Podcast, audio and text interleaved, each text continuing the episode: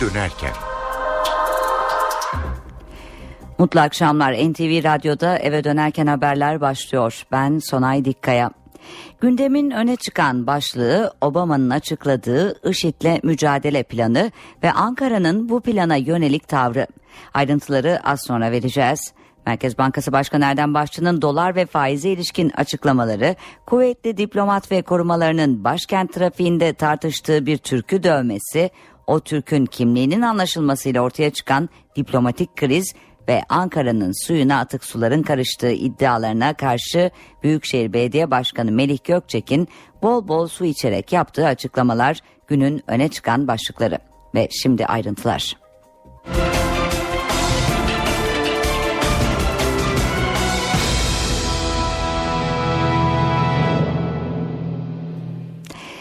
Amerika Birleşik Devletleri Başkanı Barack Obama sabaha karşı IŞİD'le mücadele planını açıkladı. Obama dört aşamalı planda Irak'ın yanı sıra IŞİD'in Suriye'deki varlığının da hedef alınacağını, hava saldırılarında örgütün her yerde hedef alınacağını duyurdu. Dikkat çeken nokta Amerikan ordusunun Suriye'de hava saldırılarına başlayacak olması. Amerikan saldırısı Suriye'deki iç savaşı nereye götürür, Esad'ın elini güçlendirir mi Dünya şimdi bunları konuşuyor. Ankara'da Obama'nın Obama'nın planını değerlendiriyor. Bugün Cumhurbaşkanlığı ve Başbakanlıkta yapılan olağan görüşmelerin gündemi Obama'nın IŞİD planı. O görüşmeleri izleyen NTV muhabiri Murat Barış Koralp şu anda Çankaya Köşkü'nün önünde telefonla ayrıntıları aktaracak. Haftalık olağan görüşmelerde en önemli gündem başlığı IŞİD. Amerika'nın açıkladığı mücadele stratejisi ve bu stratejinin Türkiye'ye etkileri haftalık görüşmelerde ele alınan başlıklardan en önemlisi. Bu kapsamda IŞİD tehdidine karşı sınır güvenliği, Amerika Birleşik Devletleri ve NATO ile istihbarat paylaşımı, Türkiye'nin oluşturulacak koalisyona katkısının ne olacağı gibi başlıklar bugün masada. Cumhurbaşkanı Erdoğan bu gündem başlığıyla 3 önemli konuktan ikisini ağırladı. Son görüşmesi için Genelkurmay Başkanı ve kuvvet komutanlarını bekliyor. Öncesinde MİT Müsteşarı Hakan Fidan ve Başbakan Ahmet Davutoğlu'yla ayrı ayrı IŞİD mesaisi yaptı Cumhurbaşkanı Erdoğan. Türkiye açısından IŞİD'le mücadelede temkinli olunmasını gerektiren önemli başlıklar var. Kuşkusuz bu başlıklardan en önemlisi halen IŞİD tarafından alıkonulan Türk vatandaşları. Aralarında Musul Başkonsolosu Öztürk Yılmaz'ın da bulunduğu 49 Türk vatandaşının serbest bırakılması için girişimler devam ediyor. Ancak başlatılacak bir operasyonun Türk vatandaşlarının can güvenliğini tehlikeye atma olasılığı Türkiye'nin en önemli endişelerinden biri. Bir başka kırmızı çizgi ise sahada IŞİD'e karşı savaşan gruplara silah verilmesi. Ankara bölgeye gönderilecek silahların terör örgütü PKK'nın eline geçmesi olasılığına karşı hassasiyetini her seviyede dile getiriyor. Buna bağlı olarak devam eden çözüm sürecinin de bölgedeki istikrarsızlık nedeniyle sekteye uğraması Ankara'nın bir başka endişesi.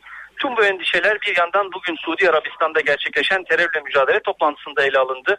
Diğer yandan da haftalık olağan görüşmelerin bir numaralı gündem maddesiydi. Kısaca Ankara'dan başlıkları böyle toparlayabiliriz.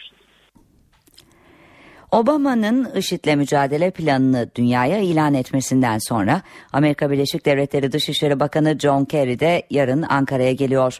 Peki Ankara Obama'nın planına destek verecek mi? Masada ne var?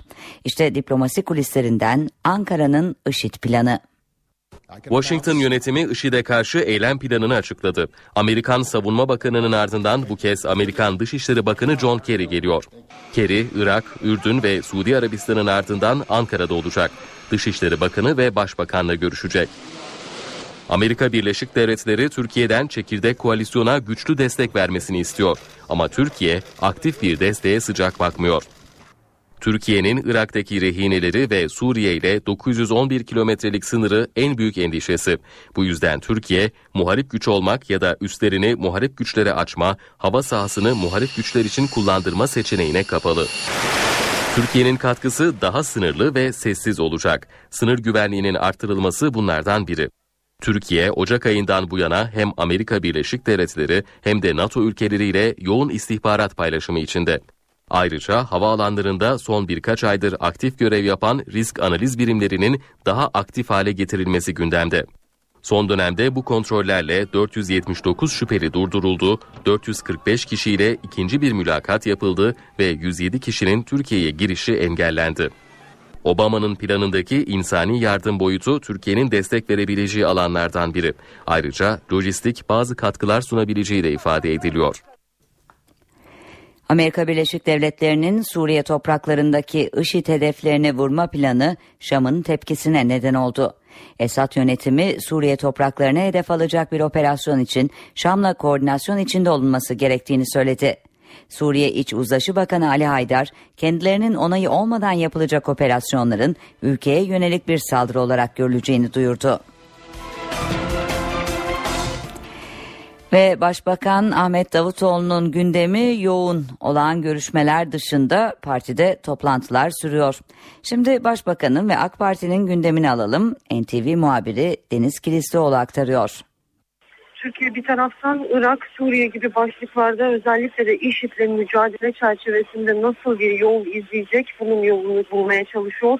Diğer taraftan yeni dönemle birlikte Başbakan Davutoğlu ekonomiden parti teşkilatına kadar birçok alanda yeni bilgiler alarak süreci ve yapıları bir anlamda tanıma gayretinde. Bugünkü mesaisi de aslında bu iki temel konuya dönüktü. Sabah saatlerinde ekonomi kurmaylarıyla bir araya geldi. Temmuz ayından bu yana 2015 bütçesi için çalışılıyor bilindiği gibi. Ekim ayı içerisinde bütçenin meclise sunulması gerekiyor. 2014-2017 dönemini kapsayan yeni orta vadeli program hazırlıkları da bir süredir sürüyordu. Bununla ilgili de ekonomi kurmayları Başbakan Davutoğlu'na bilgi verdiler. Tabi yılın ilk 8 ayı geride kalmışken ekonomik göstergelerdeki son duruma da bakıldı bu toplantıda. Ahmet Davutoğlu ekonomi kurmayları ile yaptığı toplantının ardından Çankaya Köşkü'ne çıktı. Haftalık olan görüşme için Cumhurbaşkanı Erdoğan'la görüştü. Tabii bu görüşmenin ana gündemi özellikle IŞİD'le mücadele konusunda Amerikan yönetimi ve IŞİD'le mücadelede uygulayacağı strateji ki Obama bu stratejiyi sabaha karşı Türkiye saatiyle açıklamıştı. Amerikan Savunma Bakanı buradaydı. Yarın John Kerry Amerikan Dışişleri Bakanı geliyor Ankara'ya. Dolayısıyla Savunma Bakanı ile yapılan görüşmelerden sonra Başbakan ve Cumhurbaşkanı ilk kez yüz yüze görüşmüş oldular. Türkiye bundan sonra nasıl bir rol izleyecek, rol alacak bu koalisyonda bu merak ediliyor. Kuşkusuz tüm bu konular değerlendirildi bu görüşmede. Zira Başbakan Davutoğlu yoğun bir mesai sürdürüyor. Tabii diğer taraftan çözüm süreci gibi başlıklarda önemli. Dün önemli bir toplantı vardı. Ee, ulusal güvenlikle ilgili konularda bir araya gelinmişti Başbakanlık Merkez Binada. Dolayısıyla bu toplantı ile ilgili de Davutoğlu'nun Cumhurbaşkanı'na bilgi verdiğini söylemek çok yanlış olmayacak. Hem Türkiye'nin ulusal güvenliği hem de özellikle IŞİD'le mücadele konusunda atılacak adımlarla ilgili iki ismin görüş alışverişinde bulunduğunu söyleyebiliriz. Davutoğlu o görüşmeden sonra konutuna geçti kısa süreli olarak. Sonrasında da AK Parti Genel Merkezi'ne gelecek. Burada bilgilendirmeler yapılıyor genel başkan yardımcıları tarafından. E, üç gündür devam ediyordu. Bugün de devam edecek. Bugün ARGE araştırma geliştirme işlerinden sorumlu genel başkan yardımcısı bir sunum yapacak Davutoğlu'na. Tabii bu arada belki bir not daha söylemek gerekiyor. Partide Diyarbakırlı anneler çocukları PKK tarafından daha kaçırılan anneler de bugün buradaydı. Onlar da Davutoğlu ile bir görüşme imkanı bulmaya çalışıyorlar. Şimdilik genel başkan yardımcılarıyla görüşüyorlar ama Davutoğlu kendileriyle görüşmek ister mi? Bu partiye gelindiğinde biraz netleşecek ve akşam saatleri MYK toplantısı olacak. Davutoğlu bir kez daha MYK'ya başkanlık ediyor olacak. Burada da gündem yine çok sıcak başlıklar olacak. IŞİD'le mücadele, bölgesel konular, bundan sonra Türkiye nasıl bir yol izleyecek bununla ilgili kurum üyelerine bilgi verilmesi bekleniyor. Bir genel değerlendirme yapılması bekleniyor. NTV Radyo Ankara Büyükşehir Belediye Başkanı Melih Gökçek, Ankara'nın suyu kirli haberleri üzerine elinde şişe sularıyla basının karşısına çıktı. Şişelerde şehir suyu olduğunu söyleyen ve basın toplantısı süresince bol bol su içen Gökçek, şebeke suyunun hastalığa yol açtığını iddia edenlerin raporu yok dedi. Cumhuriyet Halk Partilerinin onuruna. Şebeke suyu kirli, ishale neden oluyor iddialarına Ankara Büyükşehir Belediye Başkanı Melih Gökçek arıtılmış şebeke suyu içerek yanıt verdi. Bunun içindeki su ne suyu biliyorsunuz değil mi? Şebeke suyu. Gökçek iddiaları yalanlamak için canlı yayında analiz de yaptı. Biraz sonra zift gibi hale gelir.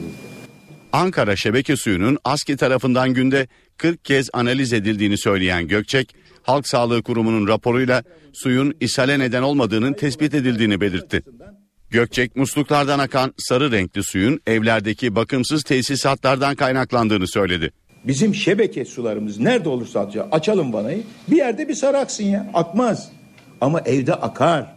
Niye? Tesisata bakmanız lazım. Paslı bir borunun içerisine de. İstediğiniz kadar temiz suyu koyun. O e, özellikle birikintileri sökünce bu pislik akar. Tahlil yapmadan insanları özellikle hastalıkla korkutuyorlar. Ve diyorlar ki bu size sudan geçti. Bu ideolojik davranışla e, doğrudan doğruya insanların gözlerini korkutmaya çalışıyorlar. Gökçek'in basın toplantısına Cumhuriyet Halk Partisi'nden yanıt gecikmedi. Kameralar önünde su içmeye çalışan Melih Gökçek'e bir çağrımız olacaktır. Bu iş öyle şovla olmaz. Yüzlerce, binlerce, milyonlarca Ankaralı hemşerimizin musluklarından işte bu su akıyor. Gel bu suyu iç, seni göreyim diyorum. Gökçek'ten sonra Ankara'nın suyuyla ilgili Sağlık Bakanı Mehmet Müezzinoğlu da NTV canlı yayınında konuştu. Sağlık Bakanı Ankara'nın suyunda sorun olmadığını söyledi ancak kendi tercihinin damacana sudan yana olduğunu belirtti.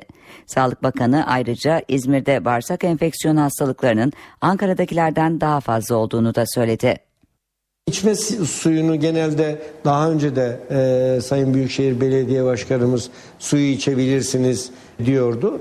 Bu anlamda tabii Ankaralı dün su, ne kadar musluk suyu içiyordu, bugün onu azalttım azaltmadım onu bilmiyorum. Ama bu sürede kokusu ve rengi dışında Ankara suyunda e, bir sorun olmadığını rahatlıkla söyleyebilirim. Evet. Ve ne yazık ki tüketmiyor. Damarcana suyu tüketiyor. İzmir'deki bağırsak enfeksiyonları son 15 günde Ankara'ya göre daha yüksek. Ama bu bir, herhangi bir bulaşıcılıktan kaynaklanan ne İzmir için ne Ankara için ne Türkiye geneli için böyle bir şey söylemiyorum. Çünkü mevsim değişikliğine bağlı olarak şu son 15 gündür bir üst solunum yolu enfeksiyonlarında grip, nezle gibi üst solunum e, yolu enfeksiyonlarında mevsimsel bir artış var ki geçen yıla göre yine olağan ve normal. Bağırsak enfeksiyonlarında da iki gün kadar süren bağırsak enfeksiyonlarında da Türkiye genelinde olağan dışı olmayan bir hafif artış var. Yalova'da susuzluk nedeniyle gündemde. Kuraklık nedeniyle su kesintilerinin yapıldığı Yalova'ya şimdi takviye su taşınıyor. İnşallah hayırlı uğurlu olur. Yalova'ya can suyu verildi. Kentte kuraklık nedeniyle Gökçe Barajı'nda birkaç günlük su kaldı. Belli aralıklarla su kesintisi yapılmaya başlandı. Durumu önceden fark eden yetkililer çözüm için Kurtköy Deresi'nden takviye yapılmasına karar verdi. Yaklaşık iki aylık çalışma sonucunda 7 kilometrelik hat döşendi ve dün akşam saatlerinde baraja can suyu verildi. Devamlı akacağı için can suyu olarak da bir tabir kullanabiliriz. Bunun sürekliliği olacağı için Yalova ileriki yıllarda daha büyük katkısı olacak. Öyle bir afetlik bir durum yok. Kesintilerimiz bölgesel olarak devam ediyor. Niye tedbir ve tasarruf amaçlı bu kesintiler? Hat sayesinde saniyede 150 litre su baraja akıtılacak. Hatta bu miktar cumartesi günü kuyulardan gelecek suyla birlikte 250 litreyi bulacak. Ayrıca Bursa Büyükşehir Belediyesi tarafından Yalova'ya gönderilen pompa da barajın ölü hacmindeki suyu şebekeye aktaracak. Böylece Yalova bir nebze olsun rahatlamış olacak. Meclisin son yıllarda en uzun süre mesai harcadığı düzenleme kamuoyunda bilinen adıyla torba tasarı oldu. Kamu alacaklarını yeniden yapılandıran madenciler ve taşeron işçilere yeni haklar sağlayan tasarı Cumhurbaşkanı'nın onayını bekliyor. Tasarının özellikle devlete olan borçların yapılandırılması bölümü merak ediliyor. İşte merak edilen sorular ve yanıtları. Sayın milletvekilleri Türkiye Büyük Torba yasa meclise gönderildiği ilk halinde kamu alacaklarını yeniden yapılandıran düzenlemeler içeriyordu. 9 milyon 860 bin mükellefin 67 milyar liralık vergi ceza ve gecikme faizi yeniden yapılandırma kapsamındaydı. Sosyal Güvenlik Kurumu da 1,5 milyona yakın kişinin ana parası 45 milyar lira olan prim alacağının 33,5 milyar liralık gecikme faiz ve cezasından vazgeçiyordu. Bu tutarlara daha sonra eklemeler oldu. Bazı cezalarda 50, bazılarında ise 120 liraya kadar olan borçların silinmesinin yanı sıra elektrik, su, emlak vergisi borçlarına yeniden yapılandırma hakkı tanındı. Soma'daki maden faciasında hayatını kaybeden işçilerin SGK'ya olan her türlü borcuyla 40 bine yakın kişinin yanlış ödenen çifte maaştan kaynaklı borçları silindi. Peki vatandaş bu haktan nasıl yararlanacak? Yasaya göre 30 Nisan 2014'e kadar olan kamu alacaklarında faiz, cezai faiz, gecikme faizi ve gecikme cezası silinip üretici fiyatları endeksi esas alınarak yeni hesaplama yapılacak. Vergi borçlarında ceza silinmeyecek. Yasadan yararlanmak için yayınlandığı tarihi izleyen ikinci ayın sonuna kadar başvurulacak. İlk taksit ise bir sonraki ay ödenecek. 36 aya kadar uzayan taksitler bir yıl içinde iki defadan fazla aksatılırsa yeniden yapılanma hakkı kaybedilecek. Şimdi kısa bir reklam arası veriyoruz. Ardından eve dönerken haberler devam edecek. Eve dönerken devam ediyor. Reklamların ardından yeniden birlikteyiz. Ankara'da Kuveyt elçiliğinde görevli diplomat ve korumaların trafikte tartıştıkları bir kişiyi dövmesi diplomatik krize yol açtı. Dövülen Türk'ün F-16 pilotu ve aynı zamanda Hava Kuvvetleri Komutanı'nın damadı olduğu olay sırasında arabada eşi ve çocuğunun bulunduğu anlaşıldı. Olayın ardından hem Dışişleri hem de Genelkurmay harekete geçti.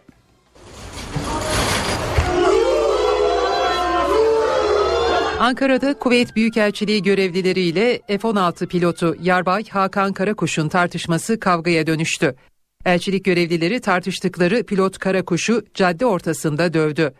Hava Kuvvetleri Komutanı Orgeneral Akın Öztürk'ün damadı olan Karakuş'un yanında eşi ve çocukları vardı. Arkadaş bir kişi e, eşi ve çocukları yanında Türk olan arkadaş.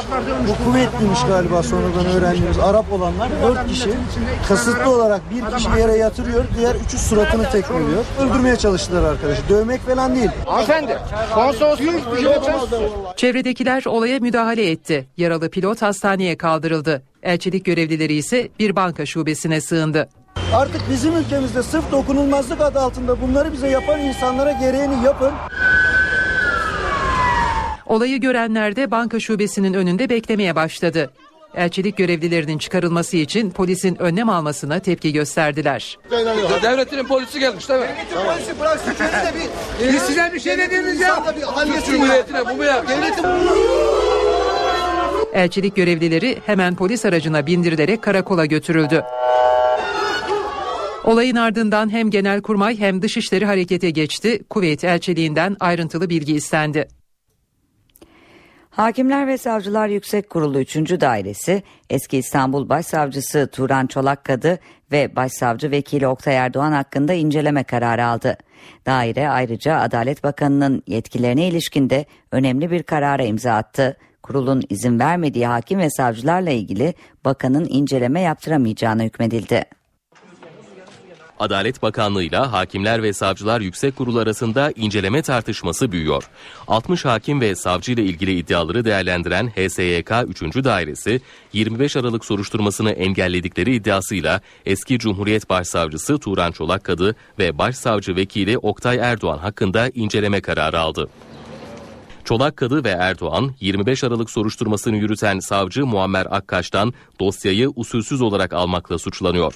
İnceleme için Adalet Bakanı Bekir Bozdağ'ın onayı gerekiyor.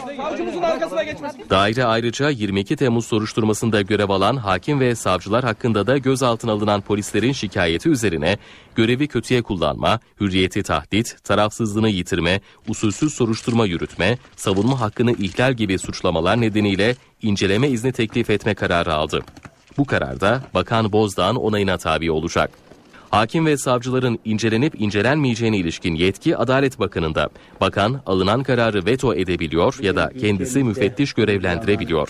Bakanın bu yetkisine ilişkin önemli bir karara imza atan 3. daire, kendisinin inceleme izni vermediği hakim ve savcılarla ilgili Adalet Bakanı'nın müfettiş görevlendiremeyeceğine hükmetti.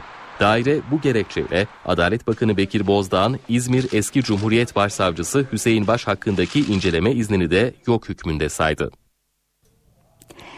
Cumhuriyet Halk Partisi 17 Aralık operasyonuna adı karışan 4 eski bakanla ilgili kurulan soruşturma komisyonunda izleyeceği yol haritasını belirledi. CHP'li üyeler operasyonda gözaltına alınan Rıza Sarraf'ın eşi Ebru Gündeş'in de dinlenmesini isteyecek.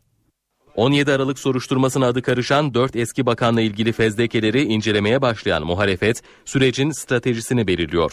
CHP'li komisyon üyeleri dinlenmesini istedikleri isimlerin listesini çıkardı.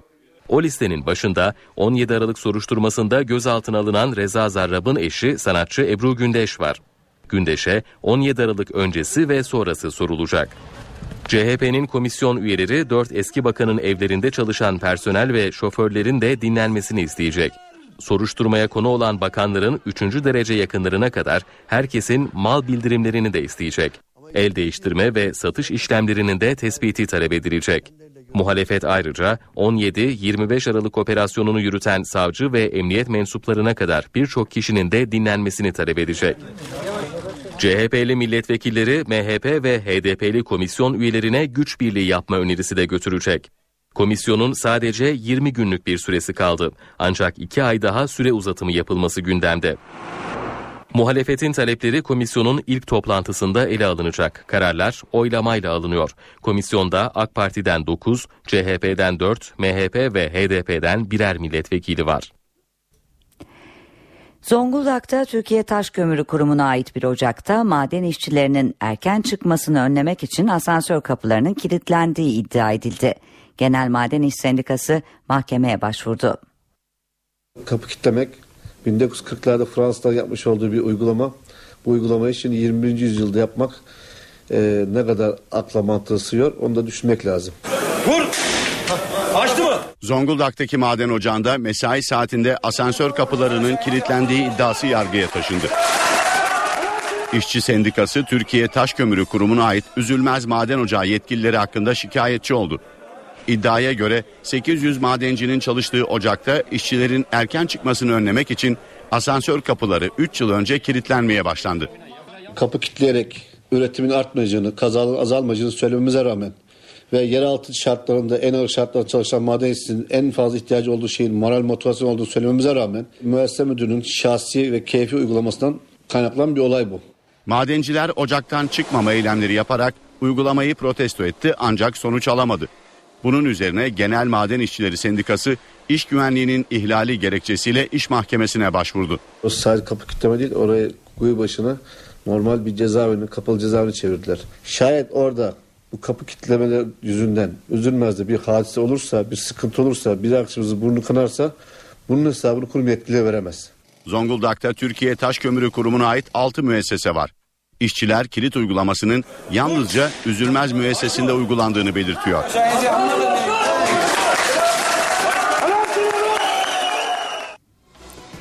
İstanbul Mecidiyeköy'de 10 kişinin hayatını kaybettiği asansör faciası ile ilgili soruşturma kapsamında mahkemeye sevk edilen 4 kişi tutuklandı. Adem Akyıldız, Turgay Dalgıç, Önder Türksoy ve Murat Aytimur taksirle birden fazla kişinin ölümüne neden olmakla suçlanıyor. İki kişi ise yurt dışına çıkış yasağı konularak serbest bırakıldı. Ve saatlerimiz 17.30'a yaklaşıyor. Gündemdeki haberlerin özetlerini aktaracağız. Obama IŞİD'le mücadele planını açıkladı. Yarın da Obama'nın Dışişleri Bakanı John Kerry Ankara'ya geliyor. Türkiye'nin Amerikan operasyonuna aktif katkıda bulunması beklenmiyor. Ama sınır güvenliği, insani yardım ve lojistik katkılar masada.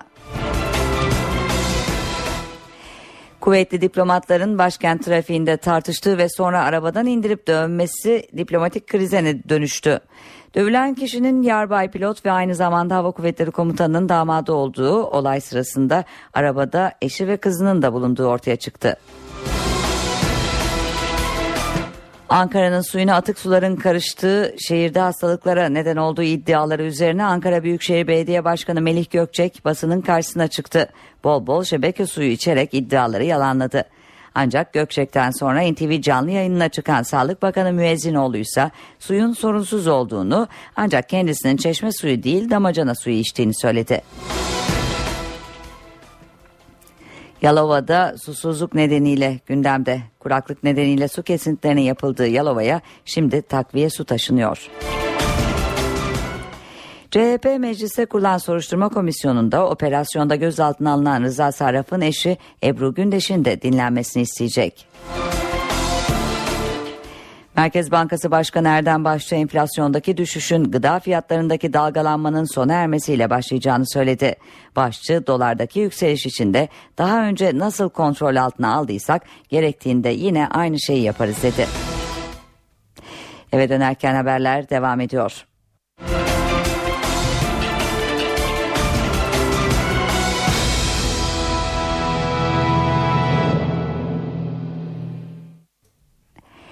İskoçya bağımsızlık yoluna girince Avrupa'yı korku sardı. İskoçya'da 18 Eylül'de yapılacak referandumdan bağımsız, bağımsızlık kararı çıkarsa bunun domino etkisi yapmasından korkuluyor.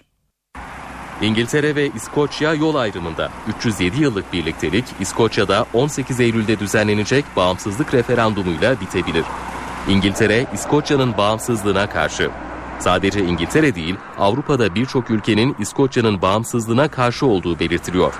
Nedeni de referandumla bağımsızlığını kazanan bir İskoçya'nın eski kıtada domino etkisi yapma riski.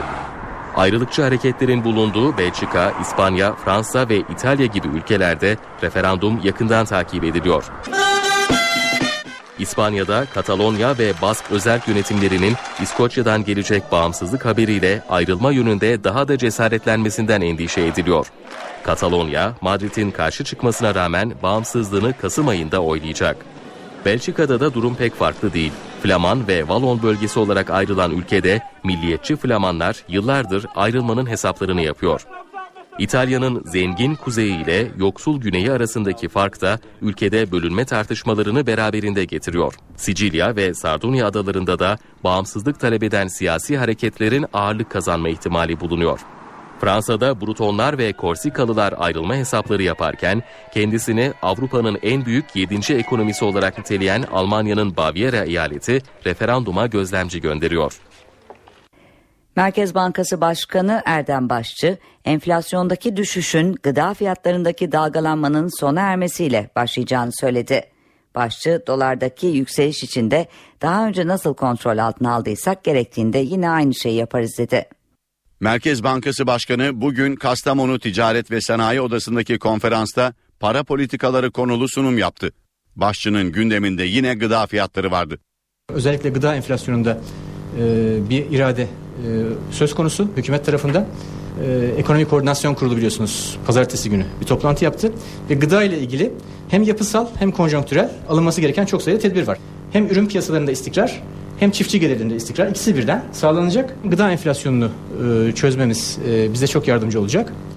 Başçı, gelişmiş ülkelerdeki döviz kuru oynaklığının gelişmekte olan ülkelere göre daha yüksek olduğunu aktararak dalgalanmalar artarsa elimizde yeterli araç var dedi.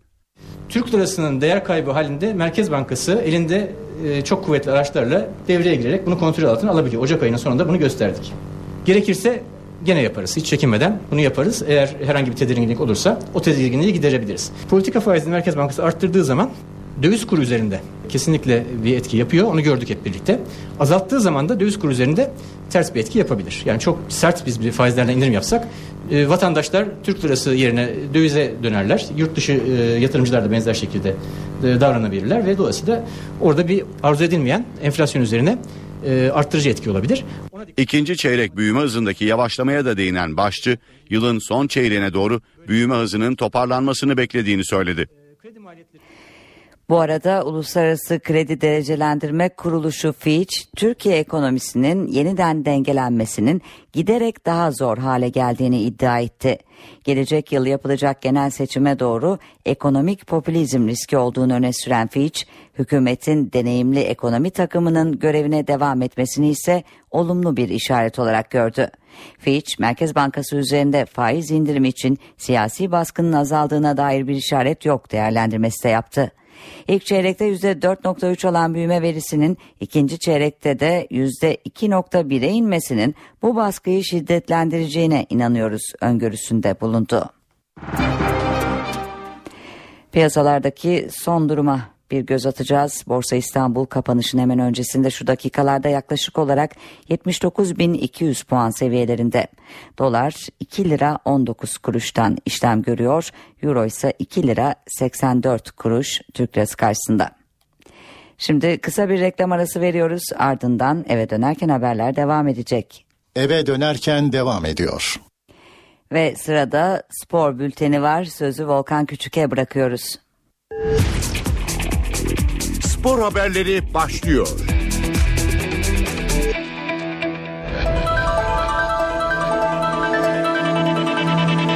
Galatasaray'da dördüncü yıldız için yarışılacak sezonla ilgili Türk Telekom Arena'da tören düzenlendi. Törende Başkan Ünal Aysal, Teknik Direktör Cesare Prandelli, kaptanlar Selçuk İnan ve Wesley Snyder konuşma yaptı. Birileri bana deseydi ki 12 yıl sonra Galatasaray'da dördüncü yıldızı takmak için yola çıkan takımın kaptanı olacaksın. Bu bir rüya derdim. Uyanmak istemediğim bir rüya. Şimdi o rüya gerçek oluyor.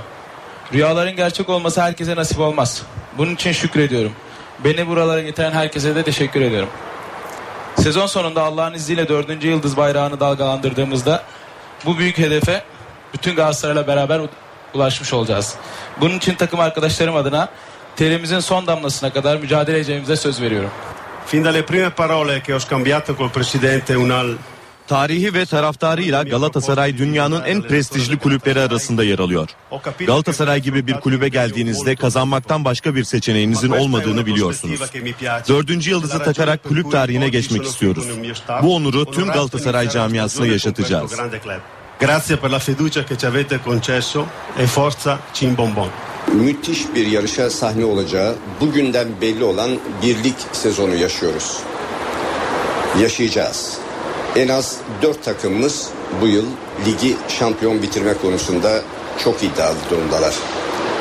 Ancak bu aday çokluğu içinde Galatasaray ve Fenerbahçe'nin dördüncü yıldıza aday oluşları durumu daha da heyecanlı hale getiriyor. Galatasaray Türkiye'de ilklerin kulübüdür. Dördüncü yıldızı herkesten önce bizim takmamız misyonumuzun bir gerçeğidir ve gereğidir. Burada gördüğünüz tüm ekibimiz bu yıl Gündüz Kılıç'ın dediği gibi halatı birlikte çekecekler. Sahada parlayan yıldızlar göreceksiniz.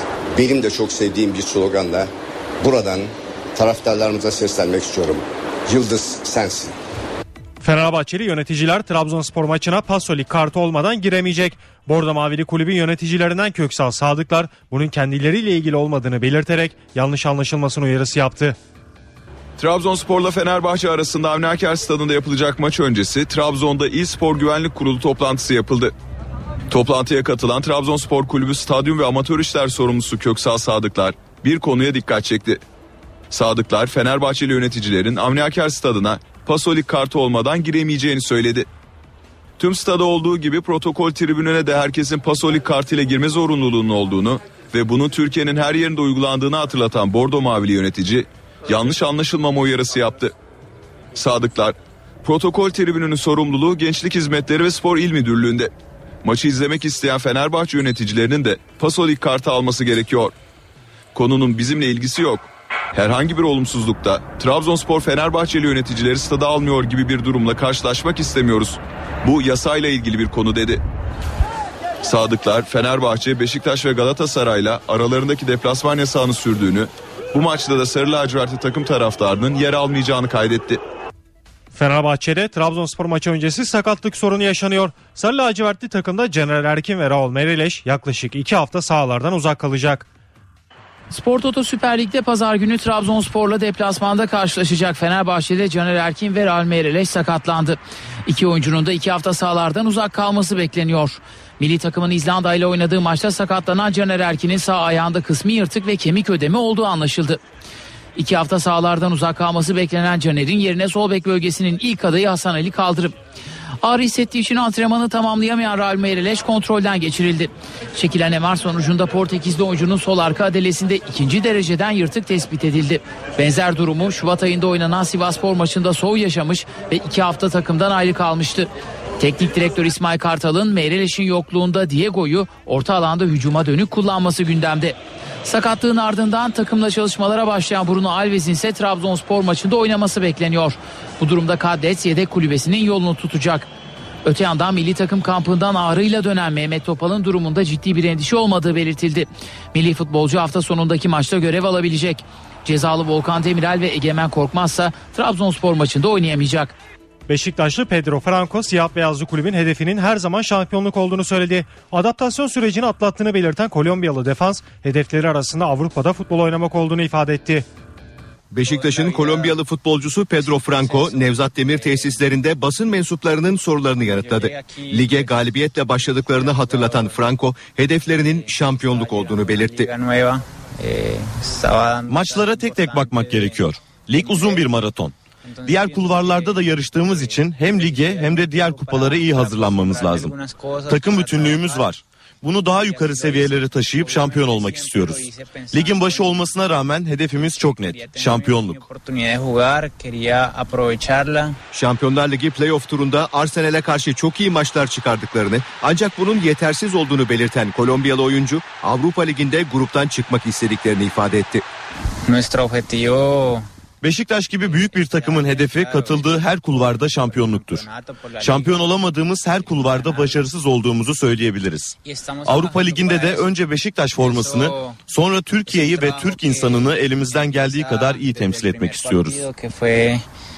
Beşiktaş formasıyla geçen sezonun ikinci yarısında istikrarlı bir görüntü ortaya koyan genç defans oyuncusu alışma sürecini atlattığını, her geçen gün daha iyi olmak istediğini söyledi.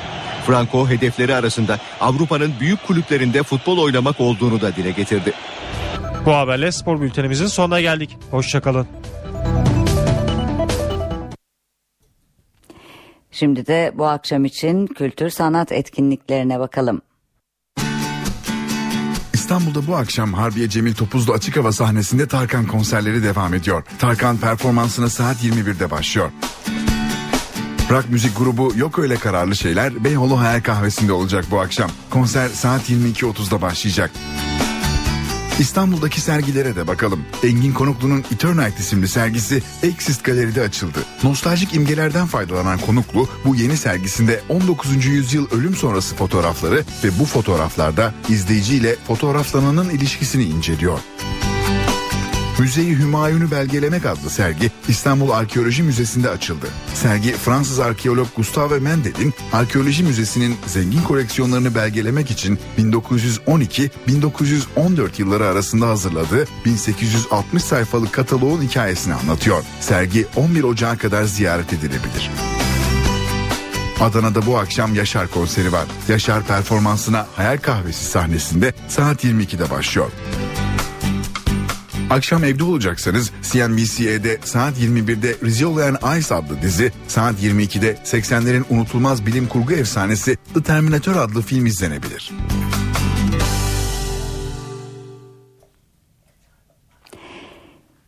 Saat başında yeniden birlikte olacağız.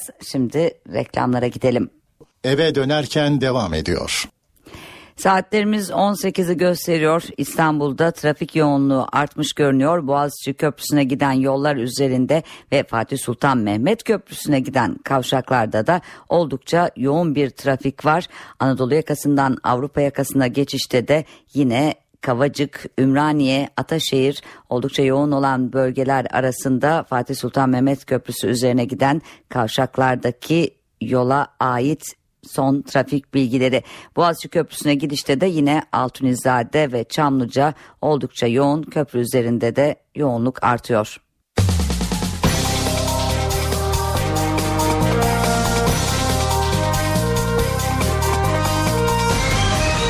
Eve dönerken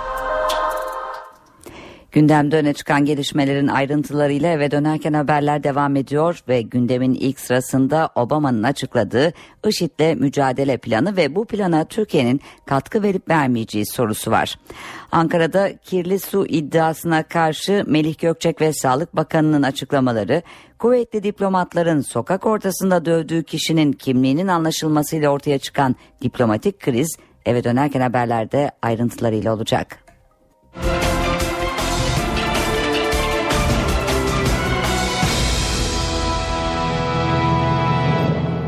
Ve ayrıntılar Amerika Birleşik Devletleri Başkanı Barack Obama IŞİD'e yönelik stratejisini sabaha karşı açıkladı.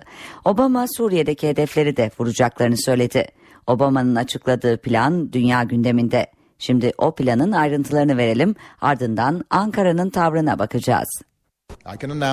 Amerika'nın bu terörist tehdidi etkisiz hale getirmek için geniş bir koalisyona liderlik edeceğini açıklayabilirim. Hedefimiz net. Kapsamlı ve sürekli bir terörle mücadele stratejisi çerçevesinde IŞİD'i geriletecek ve sonunda yok edeceğiz. ABD Başkanı Barack Obama yaptığı ulus konuşmasında ülkesinin IŞİD'e karşı izleyeceği stratejiyi açıkladı. IŞİD'in önemli bir terör tehdidi olduğunun altını çizen Obama, bu örgütün ne İslami ne de devlet olduğunu söyledi. Barack Obama örgütün militanlarını her yerde hedef alacaklarını belirtti. Ülkemizi tehdit eden teröristler nerede olurlarsa olsunlar peşlerine düşeceğiz. Başkanlığımın temel prensibi şudur.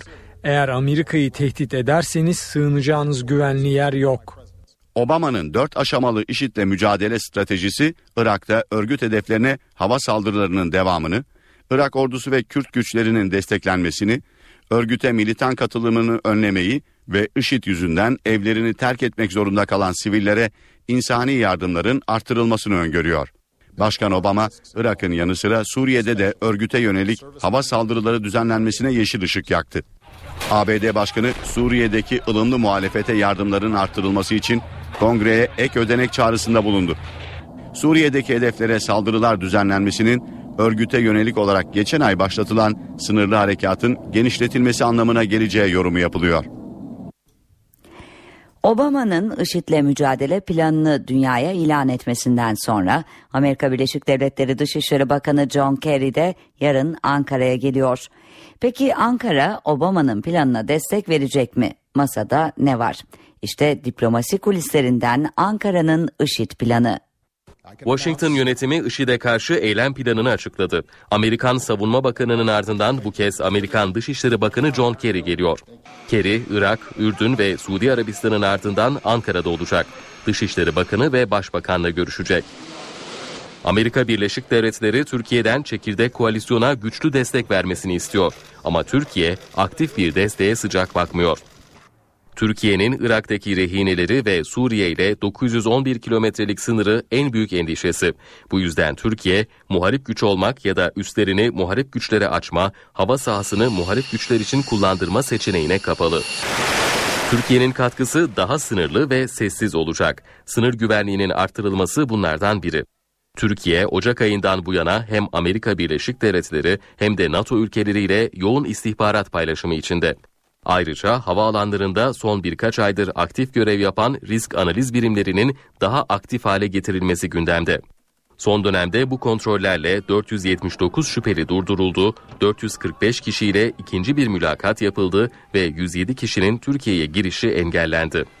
Obama'nın planındaki insani yardım boyutu Türkiye'nin destek verebileceği alanlardan biri. Ayrıca lojistik bazı katkılar sunabileceği de ifade ediliyor. Bu arada Cumhurbaşkanı Recep Tayyip Erdoğan da bugün haftalık olan görüşmeler kapsamında Başbakan MİT Müsteşarı, Genelkurmay Başkanı ve kuvvet komutanlarıyla ayrı ayrı bir araya geldi. Görüşmelerde Obama'nın stratejisi ve Türkiye'nin oluşturulacak koalisyona katkısı konuşuldu. NTV Radyo Zonguldak'ta Türkiye Taş Kömürü Kurumu'na ait bir ocakta maden işçilerinin erken çıkmasını önlemek için asansör kapılarının kilitlendiği iddia edildi. Genel Maden İş Sendikası mahkemeye başvurdu. Kapı kilitlemek 1940'larda Fransızlar yapmış olduğu bir uygulama.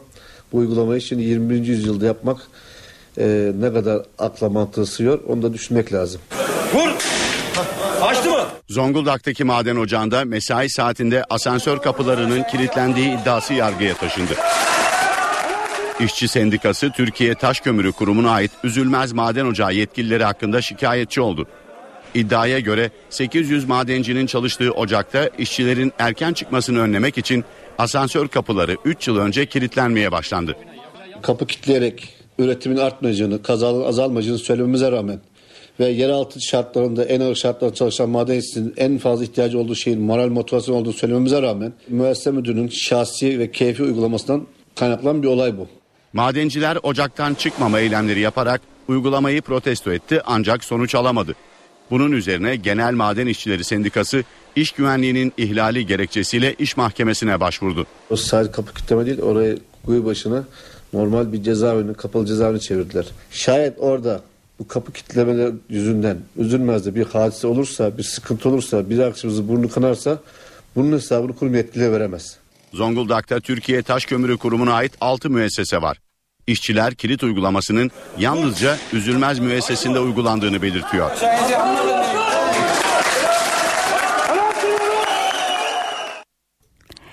İş kazalarının önlenmesi için kapsamlı bir paket hazırlanıyor. İş güvenliği denetimlerinin sıkılaştırılması, kurallara uyanların ödüllendirilmesi, uymayanların ise cezalandırılması hedefleniyor.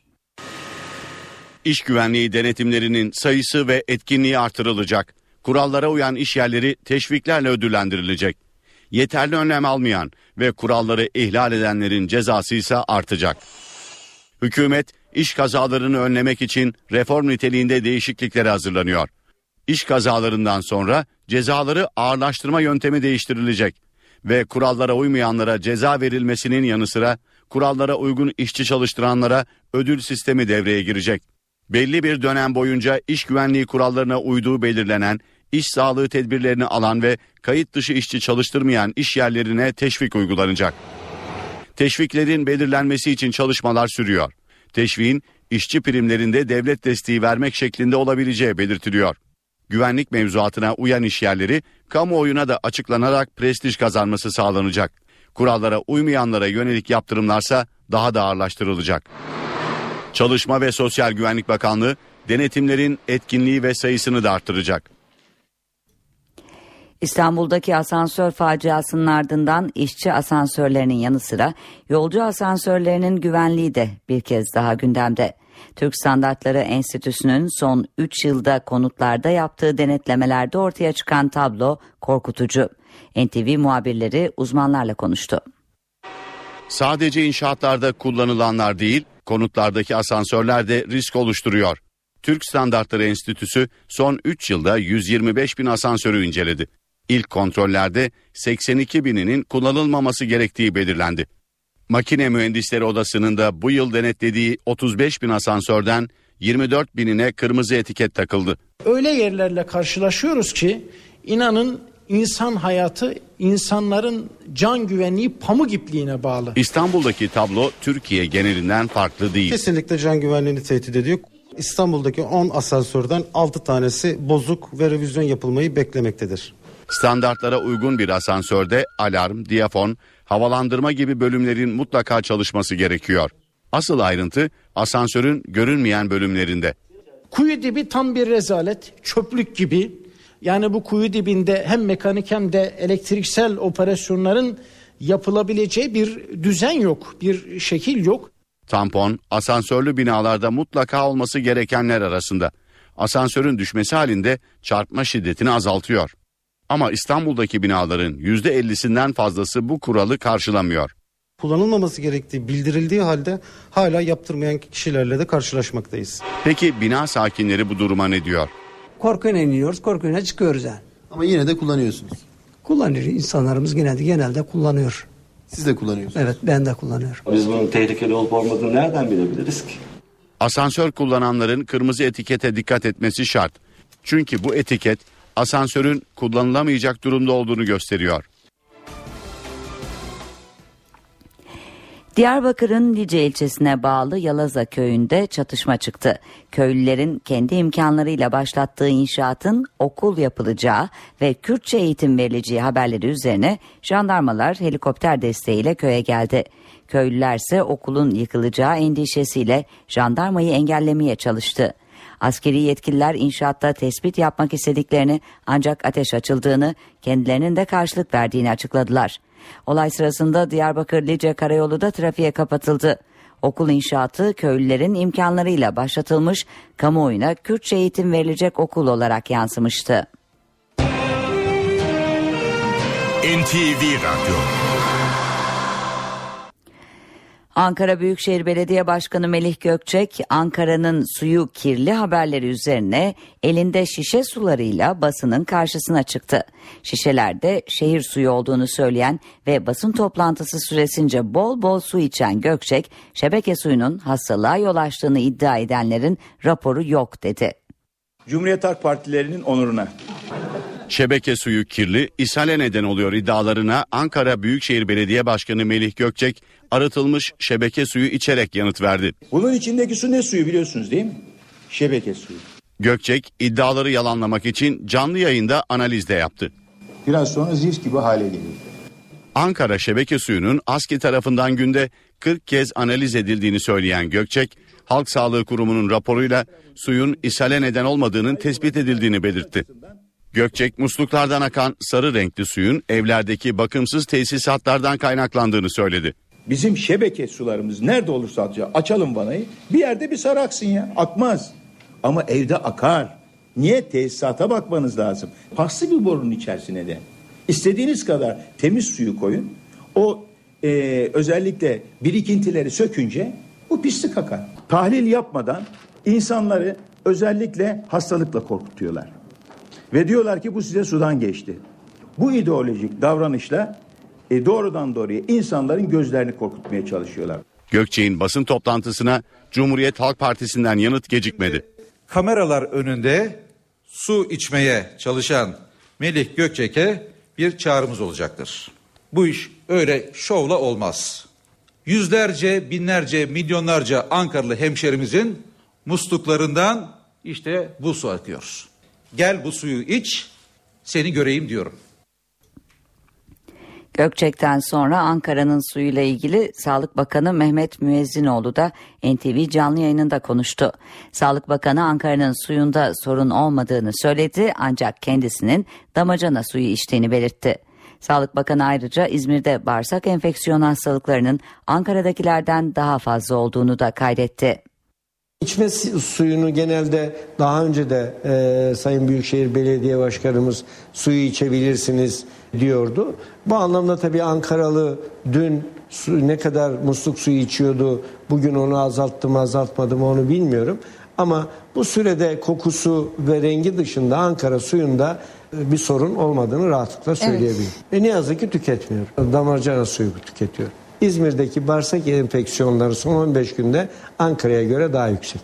Ama bu bir, herhangi bir bulaşıcılıktan kaynaklanan ne İzmir için ne Ankara için ne Türkiye geneli için böyle bir şey söylemiyorum. Çünkü mevsim değişikliğine bağlı olarak şu son 15 gündür bir üst solunum yolu enfeksiyonlarında grip, nezle gibi üst solunum e, yolu enfeksiyonlarında mevsimsel bir artış var ki geçen yıla göre yine olağan ve normal. Bağırsak enfeksiyonlarında da iki gün kadar süren bağırsak enfeksiyonlarında da Türkiye genelinde olağan dışı olmayan bir hafif artış var. Yalova'da ise susuzluğa çare aranıyor. Kuraklık nedeniyle su kesintilerinin yapıldığı Yalova'ya şimdi takviye su taşınıyor. İnşallah hayırlı uğurlu olur. Yalova'ya can suyu verildi. Kentte kuraklık nedeniyle Gökçe Barajı'nda birkaç günlük su kaldı. Belli aralıklarla su kesintisi yapılmaya başlandı. Durumu önceden fark eden yetkililer çözüm için Kurtköy Deresi'nden takviye yapılmasına karar verdi. Yaklaşık 2 aylık çalışma sonucunda 7 kilometrelik hat döşendi ve dün akşam saatlerinde baraja can suyu verildi. Devamlı akacağı için can suyu olarak da bir tabir kullanabiliriz. Bunun sürekliliği olacağı için Yalova'ya ileriki yıllarda daha büyük katkısı olacak. Öyle bir afetlik bir durum yok. Kesintilerimiz bölgesel olarak devam ediyor. Niye tedbir ve tasarruf amaçlı bu kesintiler? Hat sayesinde saniyede 150 litre su baraja akıtılacak. Hatta bu miktar cumartesi günü kuyulardan gelecek suyla birlikte 250 litreyi bulacak. Ayrıca Bursa Büyükşehir Belediyesi tarafından Yalova'ya gönderilen pompa da barajın ölü hacmindeki suyu şebekeye aktaracak. Böylece Yalova bir nebze olsun rahatlamış olacak. Şimdi kısa bir reklam arası veriyoruz. Eve dönerken devam ediyor. Reklamların ardından yeniden birlikteyiz. Ankara'da Kuveyt elçiliğinde görevli diplomat ve korumaların trafikte tartıştıkları bir kişiyi dövmesi diplomatik krize yol açtı.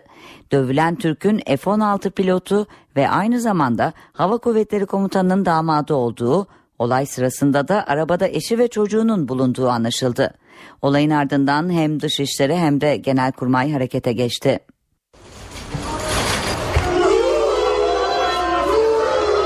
Ankara'da Kuveyt Büyükelçiliği görevlileriyle F-16 pilotu Yarbay Hakan Karakuş'un tartışması kavgaya dönüştü.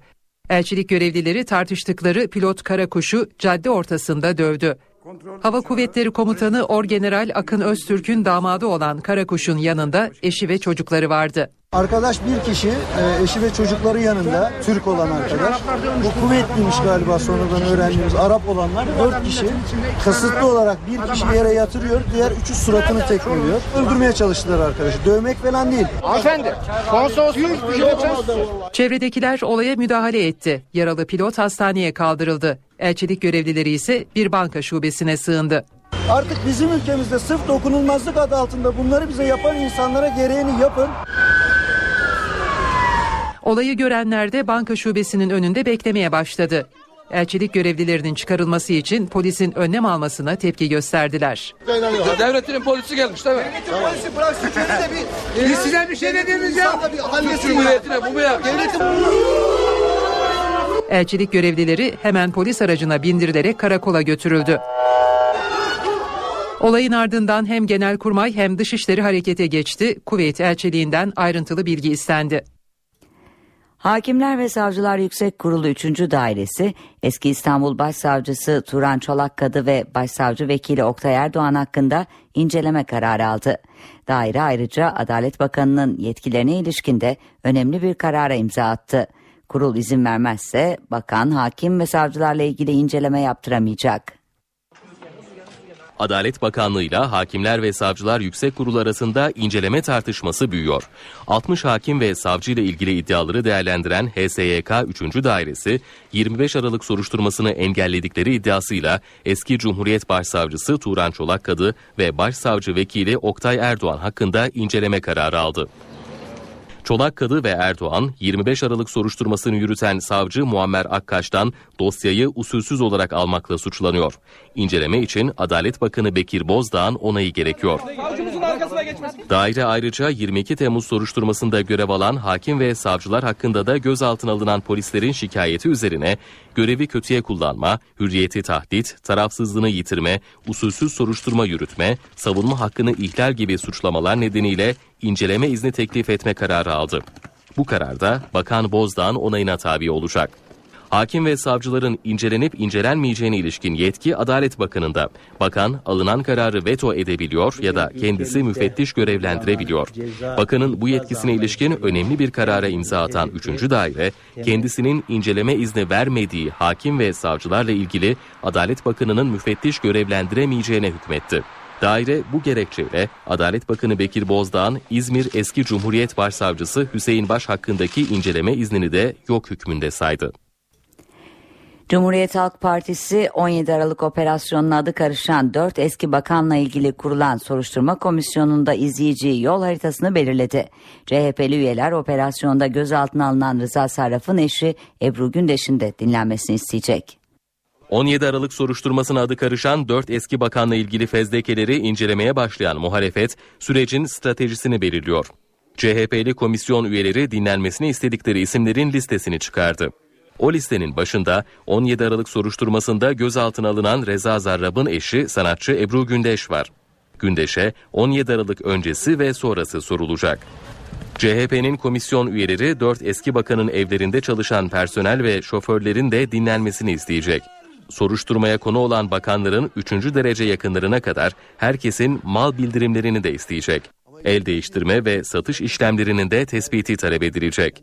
Muhalefet ayrıca 17-25 Aralık operasyonunu yürüten savcı ve emniyet mensuplarına kadar birçok kişinin de dinlenmesini talep edecek.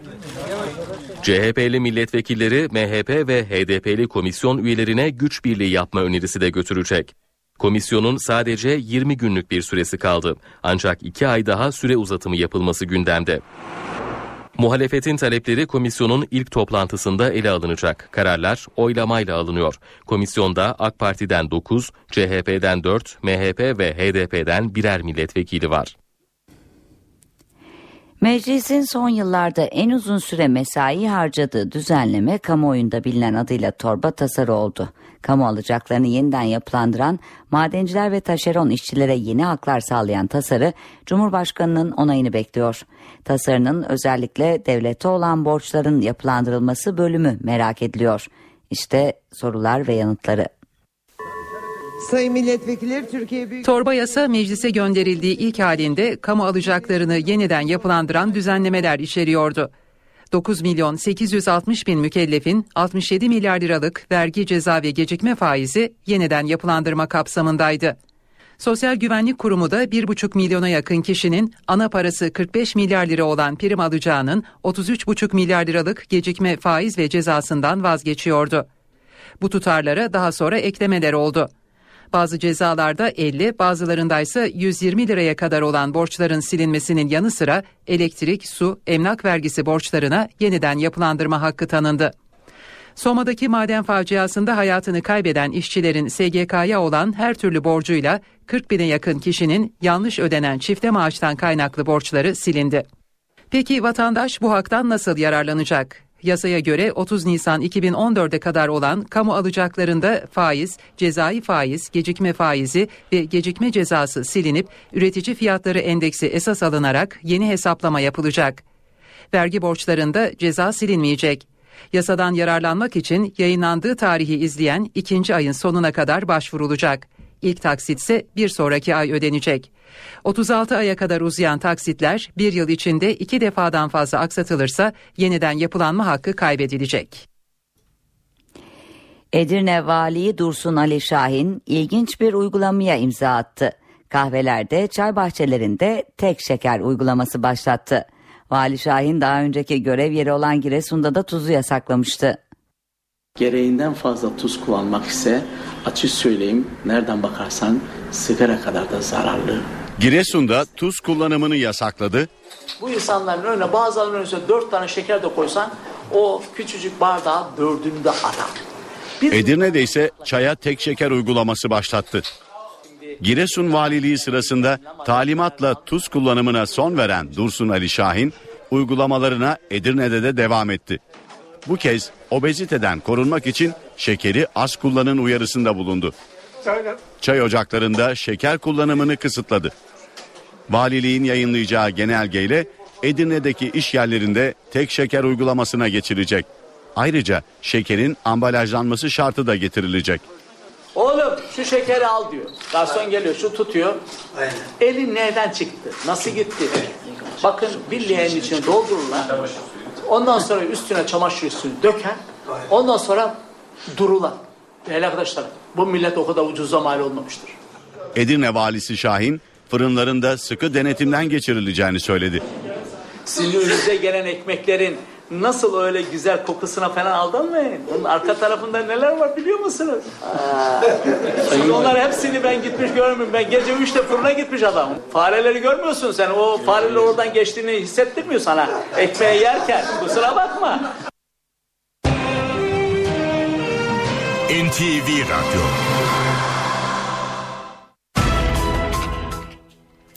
Ve gündemdeki haberlerin özetlerini aktaralım.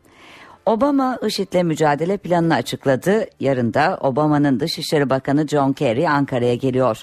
Türkiye'nin Amerikan operasyonuna aktif katkıda bulunması beklenmiyor. Ama sınır güvenliği, insani yardım ve lojistik katkılar masada. Kuvvetli diplomatların başkent trafiğinde tartıştığı ve sonra arabadan indirip dövdükleri kişi diplomatik krize dönüştü. Dövülen kişinin yarbay pilot ve aynı zamanda hava kuvvetleri komutanının damadı olduğu ortaya çıktı. Ankara'nın suyuna atık suların karıştığı şehirde hastalıklara neden olduğu iddiaları üzerine Ankara Büyükşehir Belediye Başkanı Melih Gökçek basının karşısına çıktı. Şebeke suyu içerek iddiaları yalanladı. Yalova'da ise susuzluğa çare aranıyor. Kuraklık nedeniyle su kesintilerinin yapıldığı Yalova'ya şimdi takviye su taşınıyor. CHP mecliste kurulan soruşturma komisyonunda operasyonda gözaltına alınan Rıza Sarraf'ın eşi Ebru Gündeş'in de dinlenmesini isteyecek. Merkez Bankası Başkanı Erdem Başçı enflasyondaki düşüşün gıda fiyatlarındaki dalgalanmanın sona ermesiyle başlayacağını söyledi. Başçı dolardaki yükseliş için de daha önce nasıl kontrol altına aldıysak gerektiğinde yine aynı şeyi yaparız dedi. Eve dönerken haberler devam ediyor.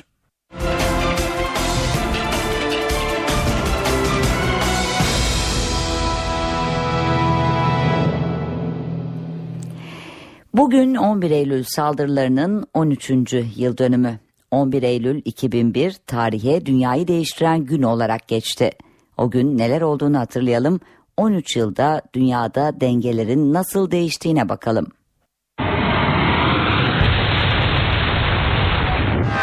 Amerika Birleşik Devletleri tarihinin en büyük terör eylemi olarak görülen 11 Eylül saldırılarının üzerinden tam 13 yıl geçti. Hava korsanları tarafından kaçırılan 3 yolcu uçağı, ikiz kuleler ve Savunma Bakanlığı binasına çarptırıldı. It's being called another Pearl Harbor.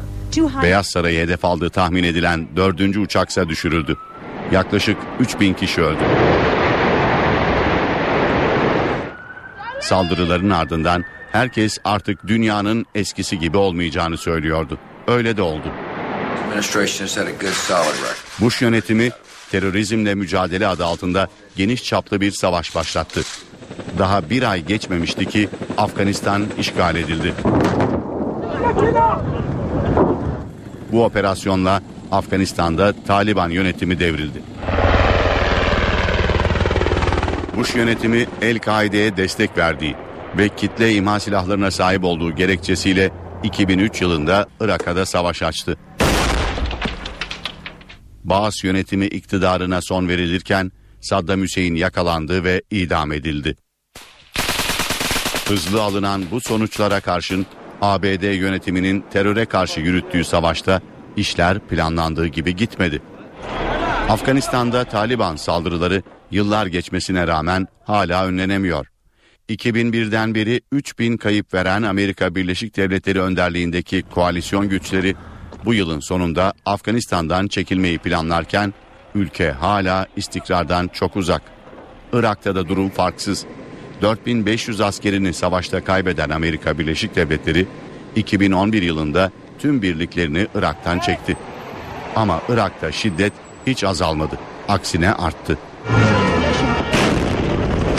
2003 yılından beri saldırı ve çatışmalarda ölen sivil ve askerlerin toplam sayısı 200 bini buluyor. Üstelik Irak şimdi de IŞİD tehdidiyle karşı karşıya. IŞİD'in bu yazın başında Musul başta olmak üzere Sünni bölgelerde kontrol ele geçirmesiyle Amerika Birleşik Devletleri bir kez daha Irak'a müdahale etmek zorunda kaldı. ABD ordusu Haziran ortasından beri onlarca hedefe hava saldırısı düzenledi. Bu saldırılar günlük olarak ABD bütçesine yaklaşık 7,5 milyon dolara mal oluyor. Irak Savaşı'nın maliyeti 1 trilyon doları bulurken son operasyonlarla birlikte bu sayı giderek kabarıyor. Harcanan milyarlarca dolara karşın Irak'ın istikrara kavuşmak bir yana Sünni, Şii ve Kürt bölgelerine ayrılarak bölünmesinden kaygı duyuluyor. İskoçya bağımsızlık yoluna girince Avrupa'yı korku sardı. İskoçya'da 18 Eylül'de yapılacak referandumdan bağımsızlık kararı çıkarsa bunun domino etkisi yapmasından korkuluyor. İngiltere ve İskoçya yol ayrımında 307 yıllık birliktelik İskoçya'da 18 Eylül'de düzenlenecek bağımsızlık referandumuyla bitebilir. İngiltere, İskoçya'nın bağımsızlığına karşı. Sadece İngiltere değil, Avrupa'da birçok ülkenin İskoçya'nın bağımsızlığına karşı olduğu belirtiliyor. Nedeni de referandumla bağımsızlığını kazanan bir İskoçya'nın eski kıtada domino etkisi yapma riski. Ayrılıkçı hareketlerin bulunduğu Belçika, İspanya, Fransa ve İtalya gibi ülkelerde referandum yakından takip ediliyor. İspanya'da Katalonya ve Bask özel yönetimlerinin İskoçya'dan gelecek bağımsızlık haberiyle ayrılma yönünde daha da cesaretlenmesinden endişe ediliyor. Katalonya, Madrid'in karşı çıkmasına rağmen bağımsızlığını Kasım ayında oylayacak. Belçika'da da durum pek farklı değil. Flaman ve Valon bölgesi olarak ayrılan ülkede milliyetçi Flamanlar yıllardır ayrılmanın hesaplarını yapıyor. İtalya'nın zengin kuzeyi ile yoksul güneyi arasındaki fark da ülkede bölünme tartışmalarını beraberinde getiriyor. Sicilya ve Sardunya adalarında da bağımsızlık talep eden siyasi hareketlerin ağırlık kazanma ihtimali bulunuyor. Fransa'da Brutonlar ve Korsikalılar ayrılma hesapları yaparken kendisini Avrupa'nın en büyük 7. ekonomisi olarak niteleyen Almanya'nın Bavyera eyaleti referanduma gözlemci gönderiyor. Merkez Bankası Başkanı Erdem Başçı enflasyondaki düşüşün gıda fiyatlarındaki dalgalanmanın sona ermesiyle başlayacağını söyledi. Başçı dolardaki yükseliş içinde daha önce nasıl kontrol altına aldıysak gerektiğinde yine aynı şeyi yaparız dedi. Merkez Bankası Başkanı bugün Kastamonu Ticaret ve Sanayi Odası'ndaki konferansta para politikaları konulu sunum yaptı. Başçının gündeminde yine gıda fiyatları vardı. Özellikle gıda enflasyonunda bir irade e, söz konusu hükümet tarafından. E, Ekonomi Koordinasyon Kurulu biliyorsunuz pazartesi günü bir toplantı yaptı ve gıda ile ilgili hem yapısal hem konjonktürel alınması gereken çok sayıda tedbir var. Hem ürün piyasalarında istikrar hem çiftçi gelirinde istikrar ikisi birden sağlanacak. Gıda enflasyonunu e, çözmemiz e, bize çok yardımcı olacak. Başçı, gelişmiş ülkelerdeki döviz kuru oynaklığının gelişmekte olan ülkelere göre daha yüksek olduğunu aktararak dalgalanmalar artarsa elimizde yeterli araç var dedi. Türk lirasının değer kaybı halinde Merkez Bankası elinde e, çok kuvvetli araçlarla devreye girerek bunu kontrol altına alabiliyor. Ocak ayının sonunda bunu gösterdik. Gerekirse gene yaparız. Hiç çekinmeden bunu yaparız. Eğer herhangi bir tedirginlik olursa o tedirginliği giderebiliriz. Politika faizini Merkez Bankası arttırdığı zaman döviz kuru üzerinde kesinlikle bir etki yapıyor. Onu gördük hep birlikte. Azalttığı zaman da döviz kuru üzerinde ters bir etki yapabilir. Yani çok sert biz bir faizlerle indirim yapsak e, vatandaşlar Türk lirası yerine dövize dönerler. Yurt dışı e, yatırımcılar da benzer şekilde e, davranabilirler ve dolayısıyla orada bir arzu edilmeyen enflasyon üzerine e, arttırıcı etki olabilir. İkinci çeyrek büyüme hızındaki yavaşlamaya da değinen başçı, yılın son çeyreğine doğru büyüme hızının toparlanmasını beklediğini söyledi. Borsa İstanbul Yüz Endeksi günü 584 puanlık düşüşle 78.966 puandan tamamladı. Dolar 2 lira 19 kuruş, Euro 2 lira 84 kuruştan alıcı buldu. Şimdi kısa bir reklam arası veriyoruz. Eve dönerken devam ediyor. Kadınlar arasında en yaygın kanser türlerinden rahim ağzı kanserinde erken teşhis büyük önem taşıyor. Sağlık Bakanlığı ve Hacettepe Üniversitesi erken teşhiste çığır açacak bir yöntem üzerinde çalışıyor. 2017'den itibaren her kadın kendi kendine tarama testi yapabilecek. Ayrıntıları Hacettepe Üniversitesi Rektörü Profesör Murat Tuncer NTV'ye anlattı. Herkes kendinin e, doktor olacak. Bir kadının bu testi yaptırmak için bir yere gitmesi, bir muayene olması, orada bir hemşire veya doktorun bulunması gerekmeyecek. 2017 yılından itibaren her kadın rahim ağzı kanseri taramasını kendisi yapabilecek. Kadınlarda en yaygın kanser türlerinden olan rahim ağzı kanseri Türkiye'deki sosyokültürel yapı nedeniyle dünya ortalamasının çok daha altında %2,5 oranında görülüyor. Sağlık Bakanlığı ve Hacettepe Üniversitesi rahim ağzı kanseri taramasına katılımı %100'e çıkarmak için harekete geçti. Hacettepe Üniversitesi Rektörü Murat Tuncer yürütülen çalışmayı NTV'ye anlattı. Bir e, sürüntü testi aynen boğaz kültürü gibi bir şey gayet kolay. E, bu o kadın için aile hekimi tarafından da veya ketem tarafından da barkodlu olarak geliştirilecek. Evde aldıktan sonra kapatıp e, gerekli testi yapılacağı laboratuvara direkt olarak gidecek bu. Böylece her kadın rahim ağzı kanserine neden olan HPV virüsü taşıyıp taşımadığını kolayca öğrenebilecek. Tarama sonucunun pozitif çıkması durumundaysa erken tedaviyle kanserin önüne geçilebilecek. Pozitif çıktığında siz kanser olmuş olmuyorsunuz. Kanser olma ihtimaliniz yüksek olmuş oluyor. Bunu yakalayıp yok ediyoruz. Yani kanser olmadan kurtuluyorsunuz. Bu çok önemli bir şey. ARGE çalışmalarıyla testin tamamen yerli hale getirilmesi ve ihraç edilmesi de hedefleniyor. Kan grubuyla hafıza kaybı arasında bir bağlantı olabilir. Yapılan araştırmalar kan grubu AB olan kişilerde düşünme ve hafıza kaybı yaşama olasılığının diğer kan gruplarına kıyasla daha fazla olduğunu gösterdi. Kan grubu AB olanların hafıza sorunları yaşama olasılığı daha fazla. Bu tespit Amerikalı araştırmacılara ait. Vermont Üniversitesi'nde 3 yıl süren araştırmada 45 yaşın üzerindeki 30 bin kişinin verileri gözlemlendi. Düşünce ve hafıza problemleri yaşayan katılımcılardan yaklaşık 500'ü herhangi bir sorun yaşamayan 600 denekle karşılaştırıldı. Sonuçta kan grubu AB olan kişilerde bunama riskinin daha fazla olabileceği ortaya çıktı. Diğer kan gruplarındaki deneklerden %4'ü hafıza sorunu yaşarken kan grubu AB olanlarda bu oranın %6 olduğu belirlendi. Ancak bilim adamlarına göre hafıza kaybı sorunları yalnızca kan grubuyla ilişkili değil. Yüksek tansiyon, yüksek kolesterol, diyabet gibi etkenler de bunama riskini artırıyor. Uzmanlar sadece beden sağlığı değil, hafızayı korumak için de dengeli beslenmek, spor yapmak ve sigaradan uzak durmak gerektiğini vurguluyor.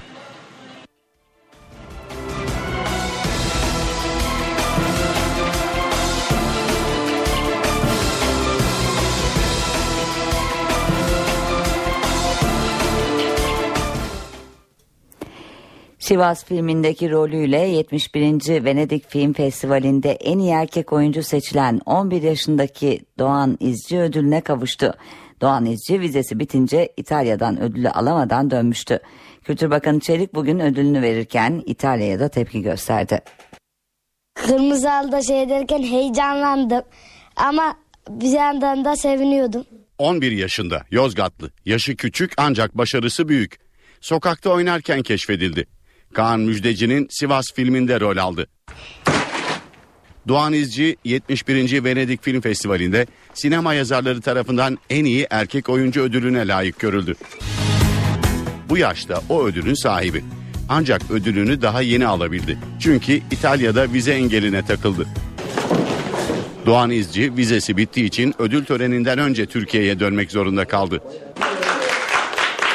Kültür ve Turizm Bakanı Ömer Çelik İzci'ye İtalya'da vize yüzünden alamadığı ödülünü İstanbul'da verdi ve tepkisini dile getirdi.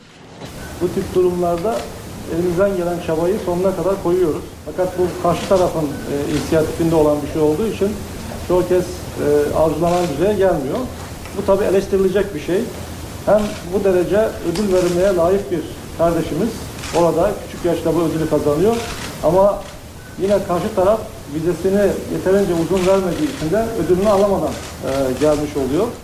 Bakan Çelik Doğan'a bir de kamera hediye etti. Çektiğin bütün görüntüleri bana mail at dedi. Hadi hayırlı olsun yönetmenliğe de başladın ödülü aldıktan sonra. Saat başında eve dönerken haberler devam edecek. Şimdi reklamlara gidiyoruz.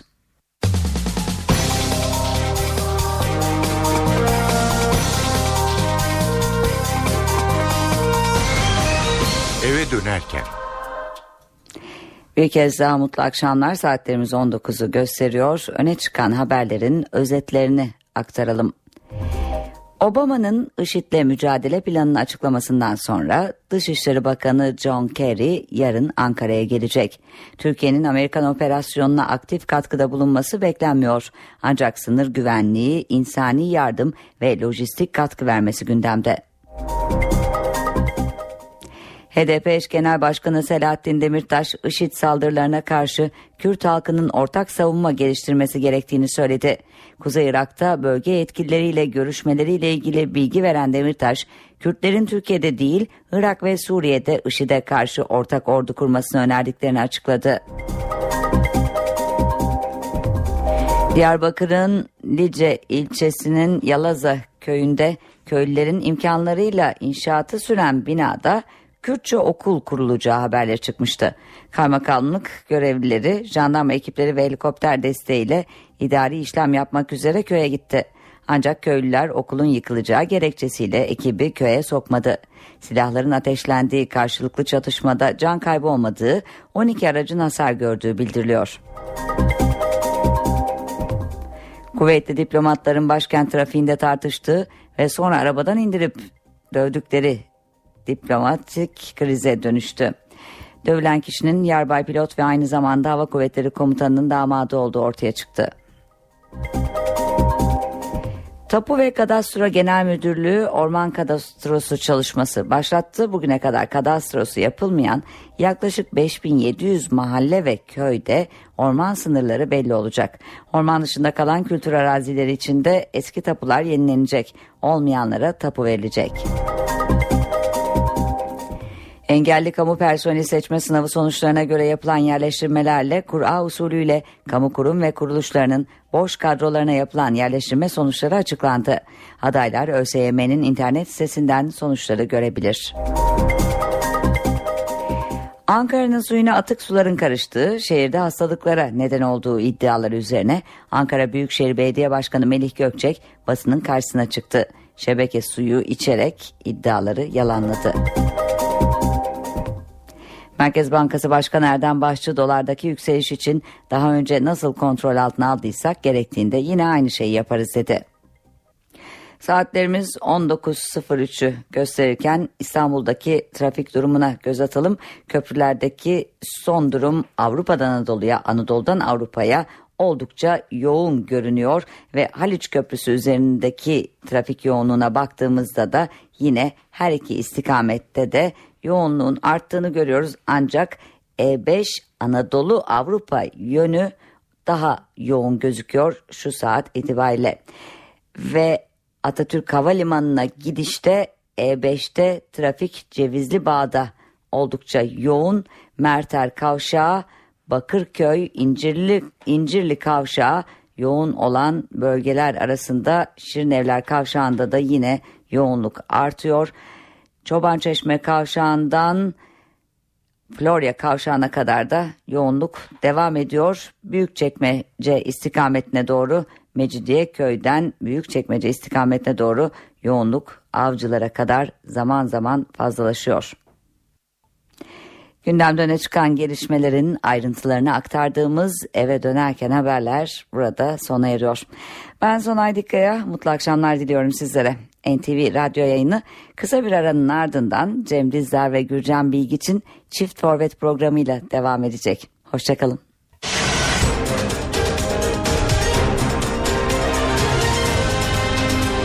NTV Radyo, Türkiye'nin haber radyosu.